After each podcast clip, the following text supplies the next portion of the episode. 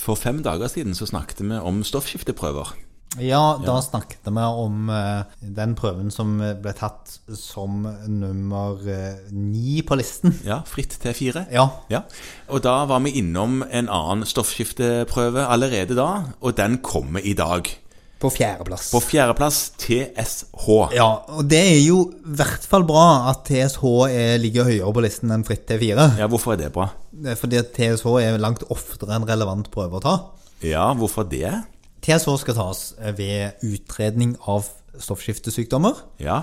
Eh, Det betyr ikke at man skal villskrine i vilden sky. Nei, det snakket vi litt om eh, under fritt T4-praten. Eh, Og så er det helt klart at det å utrede f.eks. hypotyreose er vanskelig. Altså lavt stoffskifte, ja. Ja, og når man har litt diffuse symptomer, så blir det ofte til en utredning for det. Ja, Eh, og i utredningssammenheng så kan det ofte være nyttig å ta TSH og frittefire sammen. Men hvorfor skulle TSH bli tatt hyppigere? Hvorfor var det smart og lurt og bra at framkom om listen her? Fordi at ved behandlingskontroll av erkjent hyper- eller hypotyreose, så holder det i stabil fase å ta TSH alene. Å ja, så du, da trenger du ikke ta begge disse stoffskifteprøvene? Nei. Nei. Eh, fordi at eh, da er det TSH vi styrer etter når det gjelder behandlingen. Ok, ja. Det som er viktig, er at den da tas medikamentfastende, altså den tas på formiddagen uten at pasienten har tatt sine medisiner, enten det er et tyrostatikum eller en tilskudd den dagen. Ja. Sånn at du får en sånn relevant vurdering, for det- den svinger litt. Ellers er det ikke så veldig mye å, å si om selve prøvetakningen. Eh, Det er ganske greie prøver å ta. Ja. Hvis du husker å være medikamentfastende, gitt at du bruker et eller annet eh, som påvirker skjoldbruskkjertelen. Ja. Og så når man ser etter feilkilder i prøvetakningen, så er det ikke så veldig mange. Det er tatt medisiner. Og så er det lista heterofile antistoffer. Oi sann. Ja. Jeg vet ikke helt hvorfor de er heterofile, men eh, Nei, men det er det sikkert en grunn til at det heter det, da. ja. Men det kan gi påvirkerverdier på en sjelden tilstand. Jevnt over kan man stole på den prøven. Den har relativt høy presisjon. Ja. Og Det er vel sånn at eh, denne prøven har et referanseområde som er annerledes for de som bruker medisiner, enn de som ikke bruker medisiner, ja, eller ja. på et vis. Eh, fordi at det, det normale referanseområdet er Det har et normalområde sånn mellom 0,2 og 4. Eh, Ja, ok. Mhm. Det varierer litt med alder.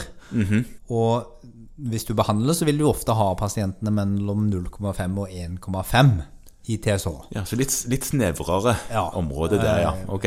For å f- finne presisjon på det. Mhm. eh, og så sa jeg noen ting om at, at prøven var, var presis, og analysen er presis, men pasientene varierer en god del.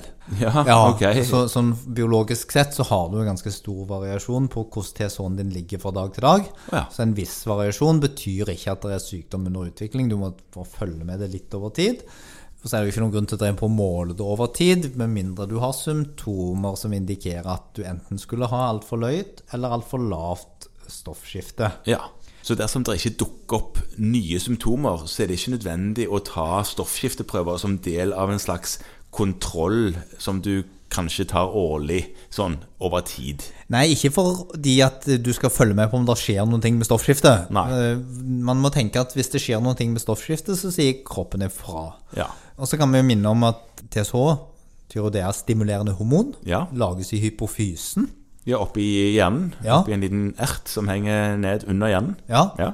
Og eh, sykdom i hypofysen vil også kunne påvirke konsentrasjonen av TSH. Så er det en sånn negativ feedback loop der. Nå ble du veldig avansert, men eh, Ja, ja da. Som gjør at hypofysen kjenner på hvor mye fritt T4 der er, Ja.